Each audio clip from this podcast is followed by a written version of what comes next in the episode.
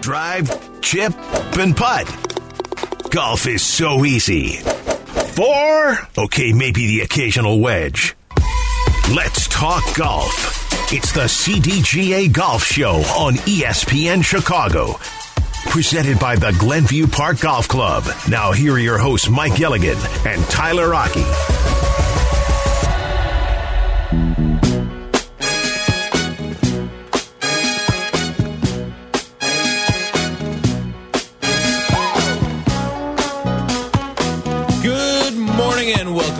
To the CDGA Golf Show here on ESPN 1000, also on 100.3 HD2. You can watch the show on Twitch, twitch.tv slash ESPN 1000 Chicago, and on YouTube as well. Tyler Rocky, Mike Gilligan with you every single Saturday morning, 8 to 10 a.m., right here on ESPN 1000, talking all things in the world of golf. And it's all brought to you by the Glenview Park Golf Club. Been a while since we've seen each other in person, Mike. You've been uh, on a traveling uh, circus tour for us here, out and about. You were at the BMWs. You've been at a number of golf courses, but you're finally back here in the old National Bank State Street studios. Good to have you back. Yeah. And boy, it's been quite a couple weeks of golf since we last saw each other. Yeah, I mean, it's almost like uh, where do we start? I mean, it has just been a great, great month. August was a fantastic month for us, and it's setting up what is going to be a great end of the month in September here. But uh, how about Viktor Hovland? Oh, the man. beat keeps going on for that young man. he has been absolutely on fire. What a year it's been for him, right? He takes home the tour championship. He outright wins at the BMW as well, wins the Memorial earlier this year. Like, this is a guy who it feels like at this point has done everything but win a major. And at the age of 26, like, the future is unbelievably bright. And we've talked about it ad nauseum about who is the next guy to win, be a first time major winner. And we saw a couple this year. We saw Brian Harman, we saw Wyndham Clark, and it feels like next year it is really go time for Viktor Hovland. He's been dancing around. He's had end of round leads at majors so far this year, but he hasn't been able to put the full four rounds together yet. He's starting to get into that winning form. And I think this last week at the Tour Championship and the week before, especially at the BMWs, when he makes that dramatic comeback, sets the course record on Sunday, all of that put together, that gives you the formula that kind of says, all right, next year, this guy's going to win at least one. At some point, one of the four, he's going to come out on top at one. Oh, absolutely. I mean, after watching him win what I call on both ends of the spectrum, at the BMW, he comes back. So he is a great chaser, but he also showed and illustrated how he can hold a big lead. Not just hold, I put his foot on the gas. gas. Yes. And I mean, yeah. I mean, if you're Xander Schauffele, so you shoot, you go out and shoot a nice snappy 62, Mm-hmm. you think you're going to make up some incredible ground. How about you only make up one shot? I mean, he shoots 63 on the final day, where I think human nature is for you to kind of go into that prevent defense. Mm-hmm. You know, let's not make a mistake. Let's not get too, you know, too greedy here. Uh uh He just knew one speed go. And he just, and that's what got him there. That's how he won at BMW. So he just stuck with the game plan. And I- I've said it once, I'll say it again. He is so likable, so easy to root for. Um, I'm enjoying rooting for him now because in a few weeks we're going to be rooting against him. Yeah, get it in while you can. But to your point, he is prime and ready to start winning the first of what I think will be at least a handful of majors for this young man. Yep. It, it's been really a remarkable run for Viktor. And, the thing that really has been going for him really well lately has been the putter. And like, now he's set up some pretty easy birdie opportunities and all that stuff, but the putter, the way that he has put the golf ball over the last two weeks, I mean, he had the the 20 plus footer to save a par. You know, even though he won, and again, they have the staggered starts, Right. right, for the tour championship.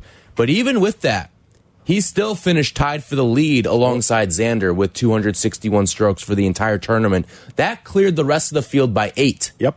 And the golf that those two played, was remarkable. And quite frankly, it's even more impressive for Viktor because he did have the victory at the BMW. I do think you should get some level of reward for playing as well as you do when you're going for the Ultimate Tour Championship, some sort of quote unquote home court advantage for playing as well as you do. And he proved exactly that. He did. And you know, as I sit here and listen to you speak, I, I, I would love on Sunday at the Ryder Cup to see Xander and Viktor that would be fantastic. go at it. Yep. Let's settle this once and for all. Mm-hmm. Because that'll be the last time we really see these guys until, with all the schedule changes and all the rest of it, until January. Mm-hmm. And uh, it's going to be kind of strange again, but that's how it used to be um, to give these guys a bit of a break and get them all tuned up and ready to go. Because, you know, as fast as this season came to an end, it'll be real quick before we're at the Chicago Golf Show, and then the Masters is right on top of us again. Well, keep in mind, we do have one of the most highly anticipated TV events for a sports fan as well between now and February, and that is the second season of Full Swing. That's true, and too. the the prominence that that is going to bring to the golf world over everything that happened this year. I mean, what a whirlwind of a year! And I do want to go through like a little PGA Tour year in review with you a little bit later in the show, but like everything that went down this year is going to be fantastic theater when that finally does hit Netflix. No doubt, and and I think Viktor's going to play a large part of it. I mean, and and his success, his journey, and just his personality, and I think he is going to be one of those players that is going to be so revered and so well liked no matter which country you're from. And I just see him as potentially that generational talent because he was that way when he went to Oklahoma State and he was the phenom when he was in college. And now he's just carrying it up to the next level.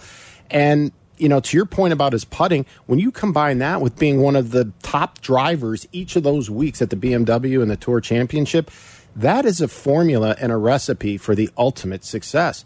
Driving it well and making putts, and where he was putting himself on the greens at both events, I paid close attention to how many real difficult putts he had versus just anything that's standard for these guys. And he didn't put himself in a lot of bad positions over, you know, the 144 holes in the past two weeks. You know, you brought up his likability, and he's been a guy that I've ever since he was at Oklahoma State. I've I've really tried to follow and watch his career and watch him grow his way onto the tour. But this was him after the after winning the tour championship, after pocketing all that cash. This was Viktor Hovland reflecting on his win. Obviously, it's it's a lot of cash you're playing for. I mean, it's in your back of the in the back of your mind, but.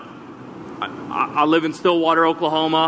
Um, money goes a long ways there. It's not like I'm I'm spending money out the wazoo every week. I, uh, I I don't need a lot to be happy. I don't need need a lot to live within my means. Um, so obviously, it's it's nice for you know for my family to have that protection and my you know eventual kids that I'll have in the future. It's it's nice to have that, but it's not it's not something that drives me. It's not something that gives me, you know, meaning. Uh, I find meaning in other places, but obviously, with how society works, um, money is something you need. $18 million he pocketed, and that's his answer right there. Yep. Life changing. I mean, he's, he had other tournament wins where he has gotten life changing money in that moment for his four days of work, but to put together a full calendar and it culminates in $18 million. And that's the humility that he shows after. Unbelievable. It is unbelievable. And that's the genuineness and that's the real kid from Oslo, Norway. He didn't grow up with a whole lot and he doesn't need a whole lot. And as long as he maintains that sort of temperament and stays that well grounded, the sky's the limit for this kid. It just really is. You know, he played in 20, uh, 23 events this year and made the cut every single time. Yes. Didn't miss one.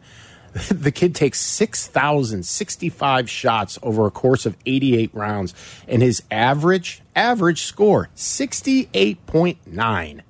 That is absolutely astoundingly incredible. He's been a lot of fun to watch this year. His approach game has been, I mean, the way that his approach game was shaped into the last, what, two months of the season, maybe, was incredible. I mean, you especially at the BMW, how many times was he tapping in for like it was a sweat-free birdie for Yeah. him on many of those um, many of those threes that he logged at uh, on that record-breaking 62 A- and just the way that he attacked that course like no other it was unbelievable to watch every single week with him because you're right like making 25 cuts that means you're getting 25 paydays like a lot of these guys you, miss a cut you don't see a dime and for him to go out and grind out 25 made cuts this year it's It's phenomenal It is. It is phenomenal. And the other thing I watched throughout the latter part of the summer is his interactions with what will be his teammates next year.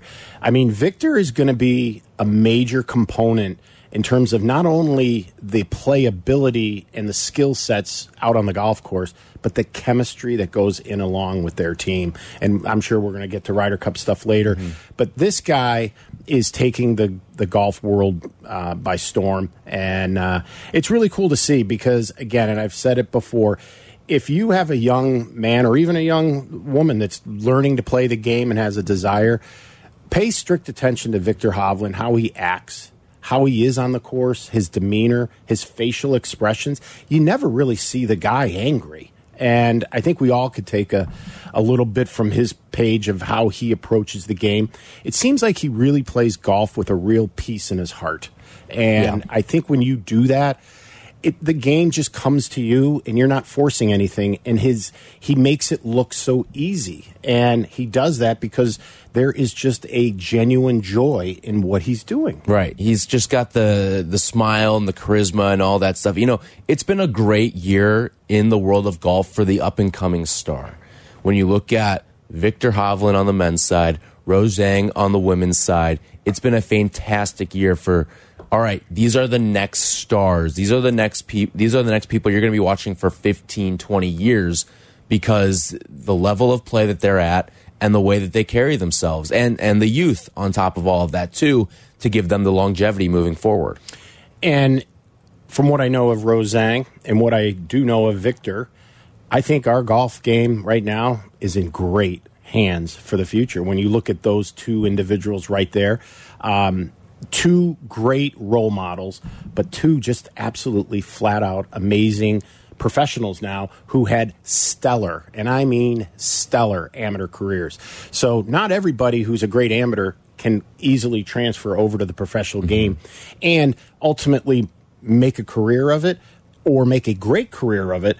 But there's really few that can turn around and just do it right out of college mm-hmm. right away In your first event. in your first event, and that's what Rose did. Yep. I mean, it's it's it, it it goes back to just we, I played at Naperville Country Club with Brian Brown, the pro, yesterday, and we were remarking at how much the game has changed and what these kids can do.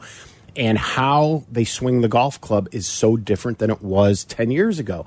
And it's almost deflating to our generation to say there's no way we can get that good because the equipment, their fitness, their age and youth is just amazing. But it is so cool to watch because they are bringing the skill set and the results in the game to a level that's never been seen before. I've never seen 61s and 62s and being shot like as frequent at perhaps the hardest, most stressful events of the year. I expect that at the Sammy Davis Jr. event, or you know where they're making a gazillion birdies at some of these you know Yeah. pitch and putt courses. East Lake. Olympia Fields are not pitch and putts. They are big boy golf courses, but they just absolutely manhandled them both both weeks. Yeah.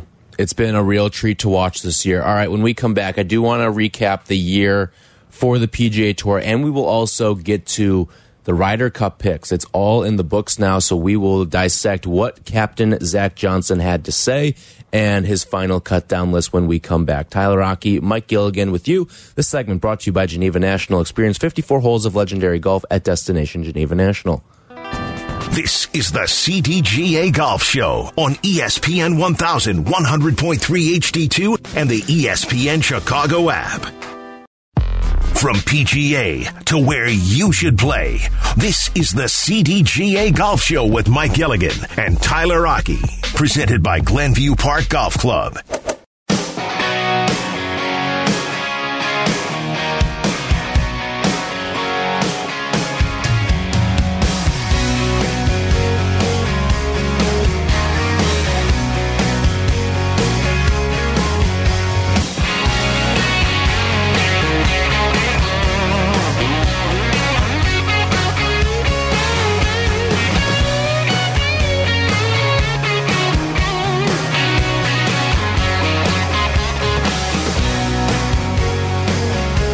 Rocky, Mike Gilligan with you here on the CDGA Golf Show. This segment brought to you by Tour Edge, talking all things in the world of golf with you. If you want to join us, 312 332 3776. What did you make of the PGA Tour season? This was uh, definitely an interesting year. We had two first time major winners. We had a LIV guy win a major. We had, oh, a uh, merger between the bitter enemy of LIV golf and the PGA Tour. At least we think we have that merger uh, for now. But when you look across the the year, um, so uh, Mark Schlabach from ESPN.com had a, a year in review talking about everything that went down on the PGA Tour. He has the breakout player, best player, rookie of the year, comeback player of the year, best victory, biggest surprises, all that stuff. Um, so we can just kind of go through this and, and discuss. His player of the year is Jon Rahm. And I think it's kind of tough to dispute that because of the way that Rahm played out of the gate. Like he was fantastic. He won uh, the Masters on that Easter Sunday right out of the chute. He was dominant. I mean, we were talking top 10 after top 10, really top three after top three after top. It felt like he was just a, a golf playing machine. Um, and, and just the way that he entered the year, it's tough to dispute that. However, he wasn't great down the stretch when you got into the tour championship and some of these other majors you thought he'd play a little bit better in and he just wasn't quite there at the end of them No, and I but you got to agree though. It's hard to remember at this point of the year just how great Jon Rahm was in the first three, four, five months of this season. Um, I'm not sure anyone has ever had a better stretch of great golf as he did. Um, you know, aside from maybe Tiger Woods. Um, but with that being said, to me, Viktor Hovland, you know, is just finishing under the wire of Rahm. I have to believe that Rahm, you know, the earned it. major pushes Rahm over the Yes, edge I mean, and that's and it's the Masters too And had I think you know Viktor pulled out maybe the Open Championship and then finish the way that he did, then I think he gets the nod. But in this case, I think well deserved for for Jon Rahm and. uh yeah, it's funny. He's player of the year, but he's not number one in the uh, world rankings. Yeah, and, and boy, is he letting you know about it too with Oh, the, yes. the the complaints he kind of made down the stretch about the the formatting of the the tour Yeah, championship. there's no kinda in that. Yeah. he was complaining. um, the breakout player of the year, Wyndham Clark, who he uh, picked up his first PGA Tour victory, also captured a major as well at the U.S. Open at LA Country Club this year. And, and just you look at the way that Wyndham Clark kind of took the golf world by storm, and he's going to be a part of the the uh, the Ryder Cup as well. Like you look at everything that Wyndham Clark did this year, you've always sort of heard his name talked about in golf circles, but this was the year he really emerged onto the scene and, and really made a name for himself. no doubt. I mean, here's a guy that in May of 2022 was ranked 313th in the world. You know what he's ranked today? 10th. So, uh, breakout, that's a big, big breakout. So, well done by Wyndham Clark. Fantastic player. We always knew it.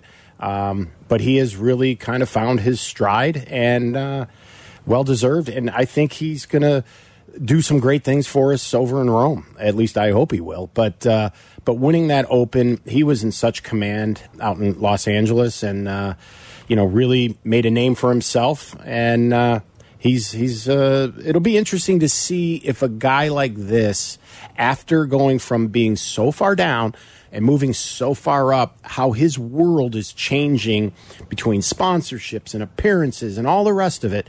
How is 2024 going to work out for you? Right. So he's a guy that I'm definitely going to be keeping an eye on next year. He finishes third in the FedEx Cup standings as well. I think Yes. kind of a no brainer here for Absolutely. breakout player of the year. Um, then you go down to the comeback player of the year. This is uh, runaway, maybe the biggest uh, margin of victory of any of these awards that were handed out here, but it's Rickie Fowler. Yes. The guy was dead to rights from a golf standpoint a year ago and nearly pulls off the U.S. Open victory. He's hovering in a lot of other majors as well. It felt like the year of rookie of Rickie, and the other thing about it too is like we've seen top tens from Rickie, but they're the oh, I'm out of contention. Why don't I just catch a Sunday heater and sneak my way into a backdoor top 10? No, these were near wire to wire top 10s and like legitimate top 10s from Rickie Fowler at the majors this year, including especially at the US Open. Oh, yeah. I mean, a four year drought that he doesn't win over 96 starts. And, but when he put it together, he, he reminded us how great Rickie Fowler can be you know, he hit that approach shot to three feet on that 72nd hole to force a playoff at that Rocket Mortgage event in Detroit when he beat Collin Morikawa and Adam Hadwin. So the guy is a clutch putter, as he showed when he made the 11 footer on that extra hole to win. But after being 133rd in shots gained last season, he moves up to 10th this season. And a lot of it was done because of the flat stick. And that's why Rickie Fowler is going to be a great player to have on our team just because he can be and is a clutch putter. Mm -hmm. A year ago, he didn't make the U.S. Open, didn't qualify for the U.S. Open, and he was outside the top 150. And now all of a sudden, you look at what he did in in a world standpoint this year, and he finishes the year tied for 16th. Like that is a massive turnaround for one of the faces, really, of the sport for and one of the icons of the sport there. Uh, the best victory, I think this is also a pretty easy one here, but it's Brian Harman and the dominance that he had at the Open Championship at Royal Liverpool. I mean, he was dominant, uh, led from the second round on, and quite frankly, it was never even close. You didn't even really have to tune in on Sunday to know that Brian Harman was going to win that thing. Yeah, and I guess when you say best victory, I guess it's best on certain levels. But I don't know. I as far as the best event, I kind of think the best victory, I, Brooks Koepka at PGA was that pretty was, hard to beat for me at least, mm -hmm, and that, I just know how difficult Oak Hill can play, mm -hmm. and given the situation with the whole LIV PGA at that point. You know, we didn't have the deal yet, hadn't been right. put in place. So mm -hmm. he was out there with a lot of animosity and a lot of people rooting against all LIV players for that matter.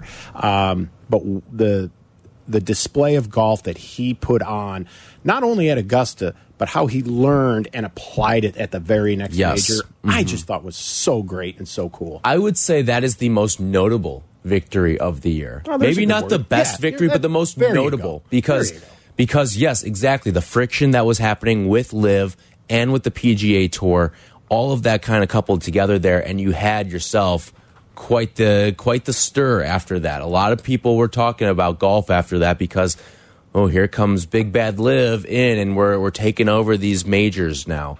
And I mean, even Phil at the Masters, right? right? The the quietest runner up finish of all time. I mean, you would never have known that Phil was right in the thick of things by the the CBS coverage there down the stretch.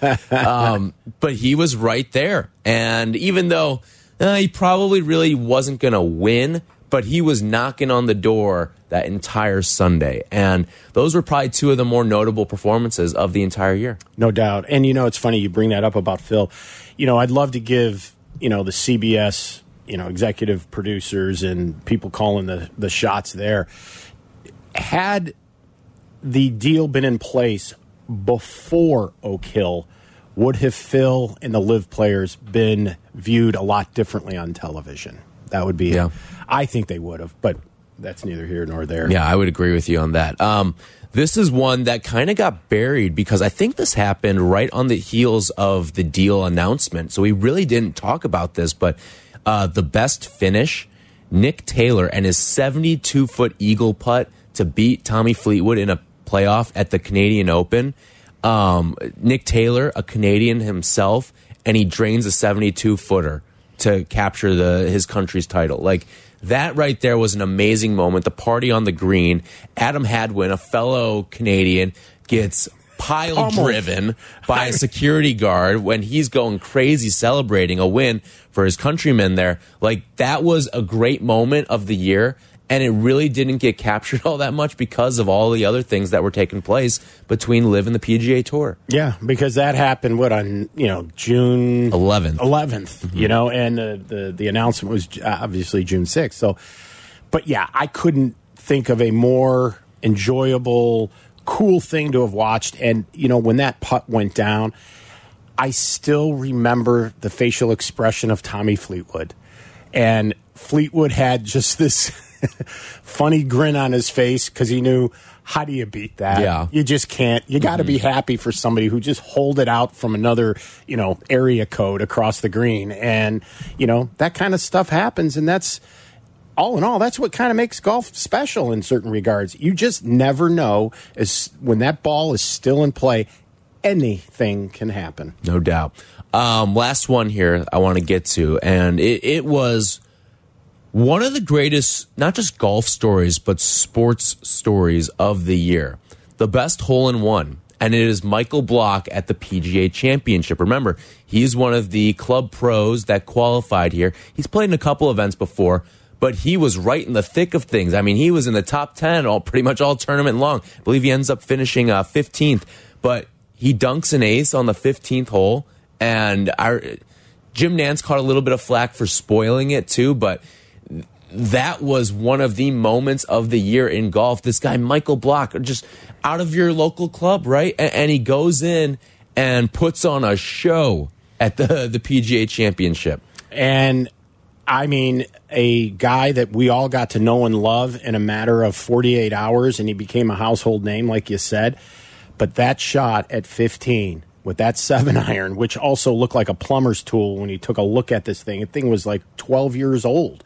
Um, so he's not playing like with the new. Shows shiny- the difference between our bags and, their bags. So yeah, I mean, he had a worn out spot the size of a quarter on it, the whole thing. So, you know, that to me could have also been considered the shot of the year. But then I also look at his shot at 18 when he pulls it way left, and having been there, that shot was nearly impossible, and he got it up and down to finish 15th, top 15 go to the PGA Championship. So we'll see Michael Block again next year. But uh, yeah, when that thing went in, you couldn't have scripted. It. If if if we went to Hollywood and said, "Here, I've got a story." Is a little known club pro from way out west is going to travel across the country, and this is what is about to unfold.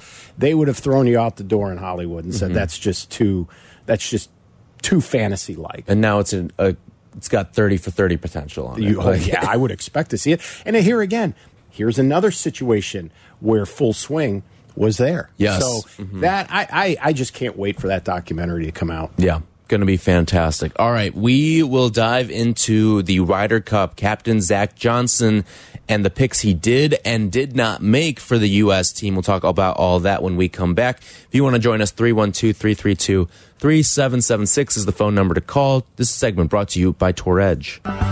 This is the CDGA Golf Show on ESPN 1100.3 HD2 and the ESPN Chicago app. Golf is on your mind and on the air right now. This is the CDGA Golf Show on ESPN 1100, 100.3 HD2 and the ESPN Chicago app. Presented by Glenview Park Golf Club.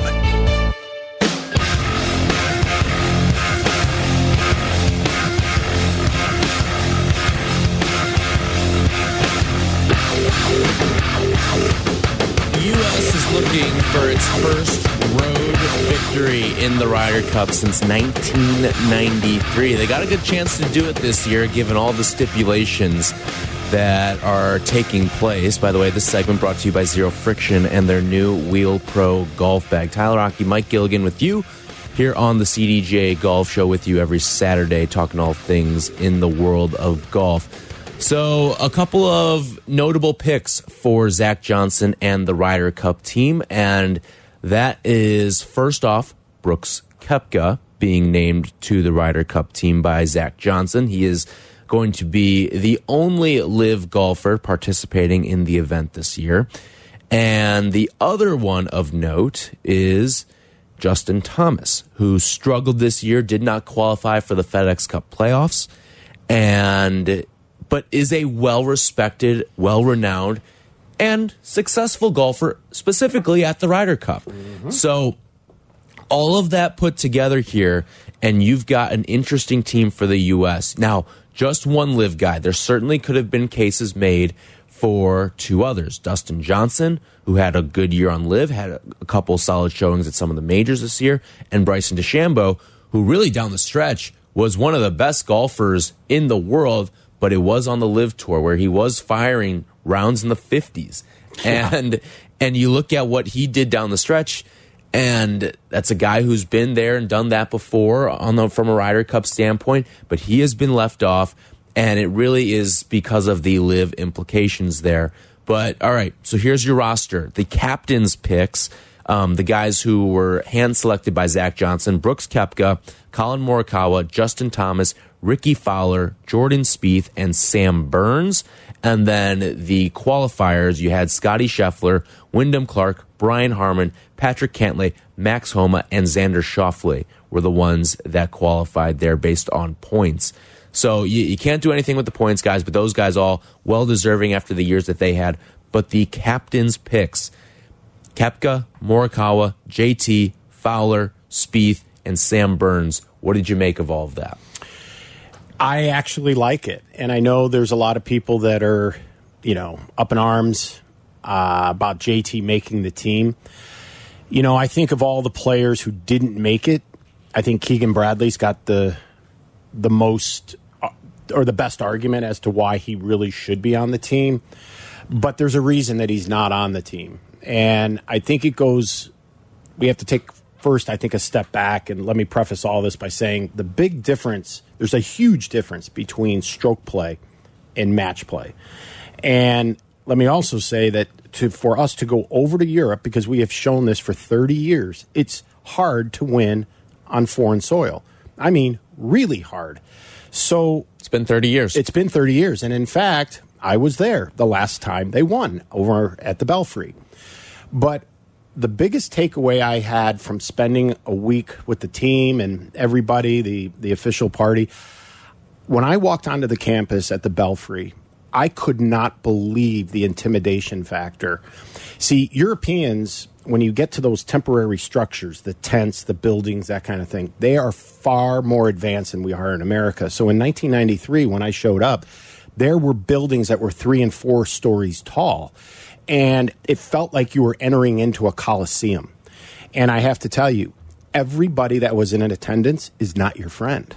It isn't like walking onto Augusta. Mm-hmm. It's not like walking at the US Open or the BMW Championship. These people don't like you, and they'll let you know that they don't like you.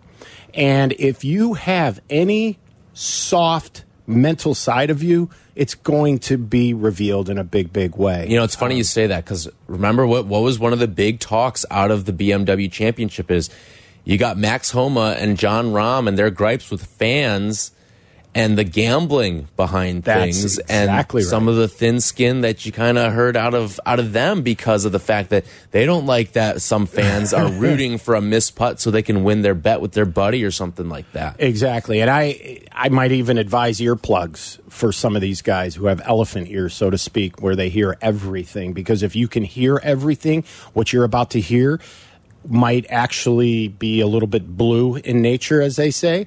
Um, but they are not afraid to tell you what they think of you. They are not afraid to cheer when a shot it goes wayward for you. So there is an intimidation factor that unless you've been there, you can't appreciate it.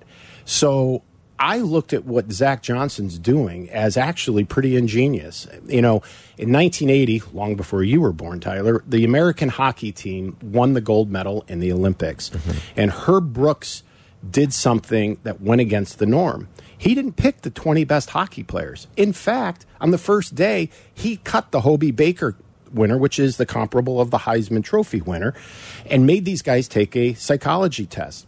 He looked for 20 guys that could work as a team and be a team and not be a bunch of individuals. If we go over there with a lot of talented individuals, we will get destroyed. We've got 30 years to prove that. What he's doing is ingenious. Herb Brooks took a page out of the Russians book that was predicated on speed of skating and fitness and endurance and conditioning and took it to a level and beat them at their own game. Zach Johnson's doing the same thing. For the past 30 years, the Europeans have been able to keep a nucleus of players. We here in America are calling it boys club, which I hate that term, but they are keeping guys together that do well together. There is a chemistry. And when you've got to walk into that environment, you would rather walk in with guys that have been there, that know it and can understand it and can persevere through it. And and honestly, we do not have a guy that's a mouthpiece. Who's the loud cheerleader? Who's going to be the thorn in their side? It's it's not going to be Scotty Scheffler. No. It's not going to be some of the guys that made it automatically. So as a reason we gave the captain six picks, he's taken a flyer on Justin Thomas and I think it's a well calculated one at that.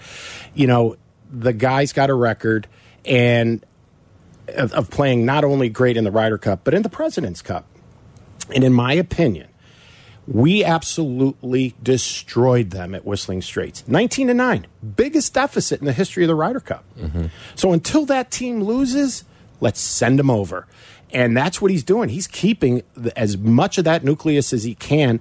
Sands, uh, DJ, DJ and, and Bryson. Bryson. which I think if I were to change things in a more radical way, I might consider leaving Sam Burns off and Rickie off because Rickie's record is only, you know, three, seven, and three or something. He's, his Ryder Cup record is not very, very good.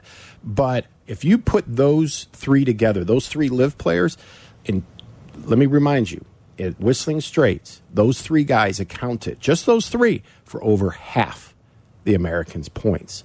So there is that chemistry. But I think Sam Burns got the nod because of the relationship with Scotty Scheffler.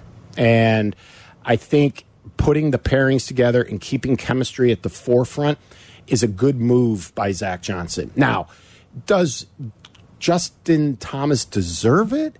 Eh, no. But does his past Ryder Cup experience speak volumes? You bet it does. I would be interested to know from Zach if this Ryder Cup were played here in America, if he'd pick Justin then. See, I think he'd leave him off the team because you don't have to do anything except just put your hand by your ear to the crowd, and that crowd will let you have it as far as being an American. So to fire up our crowd, fire up our players is easy when it's on our side of the pond, but it's when we go over there. And I think Zach is being criticized now, but I think in October we'll be looking at him like the guy knew what he was doing. I've got a couple other thoughts on that. We'll we'll get to all of that when we come back here because this is a very one of the more fascinating rosters because there is debate. Oh, yeah. surrounding it. Well, Plenty of debate. is. Right. Uh, three one two three three two three seven seven six. What did you make of Zach Johnson's captain's picks for the upcoming Ryder Cup? We'll talk a little bit more about that when we come back. This segment brought to you by Zero Friction, the most innovative products company in golf. More golf ahead. The CDGA Golf Show on ESPN 1000, presented by Glenview Park Golf Club. How's your golf game? Yeah, mine too, but more on that later. It's time for more golf talk on the CDGA Golf Show, your guide to golf around the world and in your neighborhood. The CDGA Golf Show on ESPN 1000. Now, here are your hosts, Mike Gilligan and Tyler Rocky.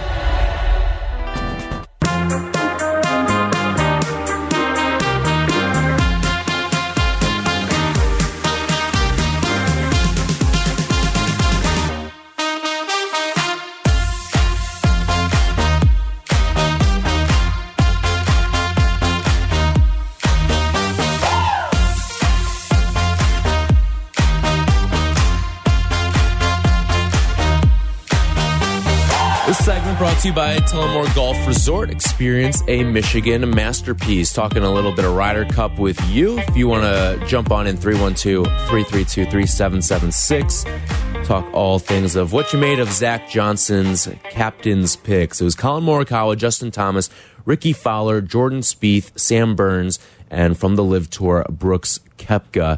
You know, it's going to be one of those interesting Ryder Cups because you've got a couple of, of staples on the European side that are not going to be a part of it. No Sergio Garcia, no Lee Westwood, no Ian Poulter after they resigned from the DP World Tour, so therefore are ineligible to compete in the Ryder Cup on the European side, and no Sergio, and no Sergio as well. And, and you just look at, I think Zach Johnson went for the safe pick because he knows this is a real chance for the U.S. team to win.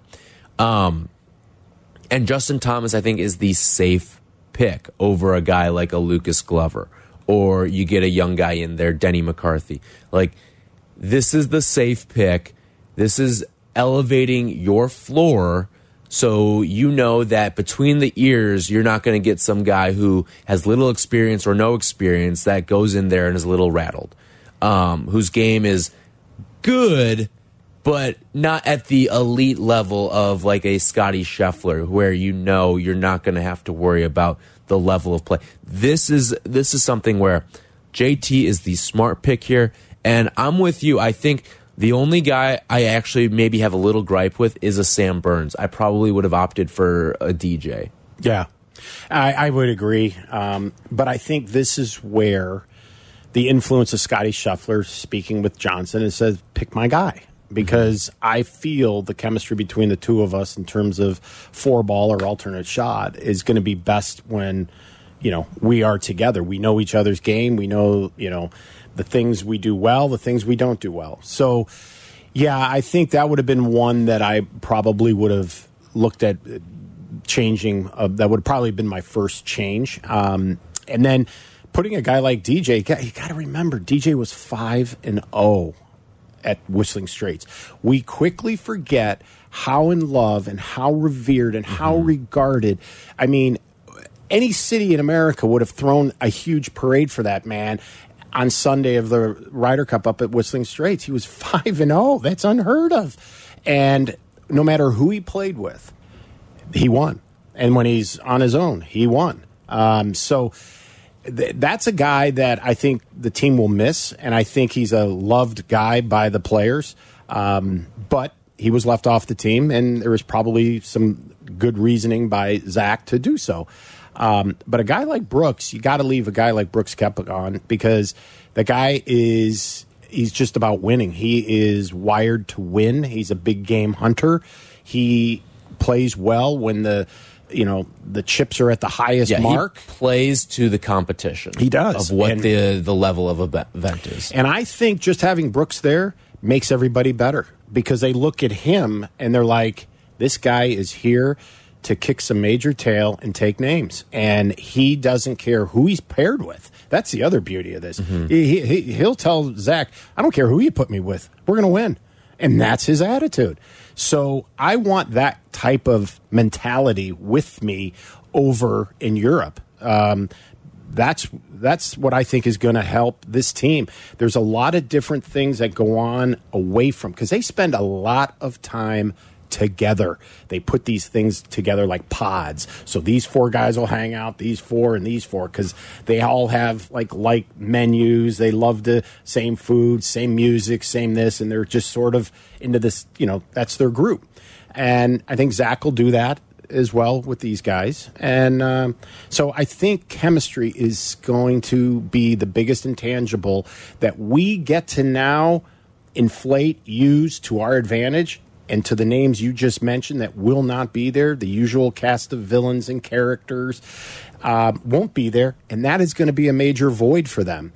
But I think it's a good idea for in the big big picture of Ryder Cup for the Americans to leave a guy like, for example, Cam Young off the list because he will make the Ryder Cup next time, mm-hmm. but it will be on American soil. Yeah. And I think when you cut your teeth at Ryder Cup, you want to cut it in the United States first before over there because I think the effects can be pretty damaging otherwise.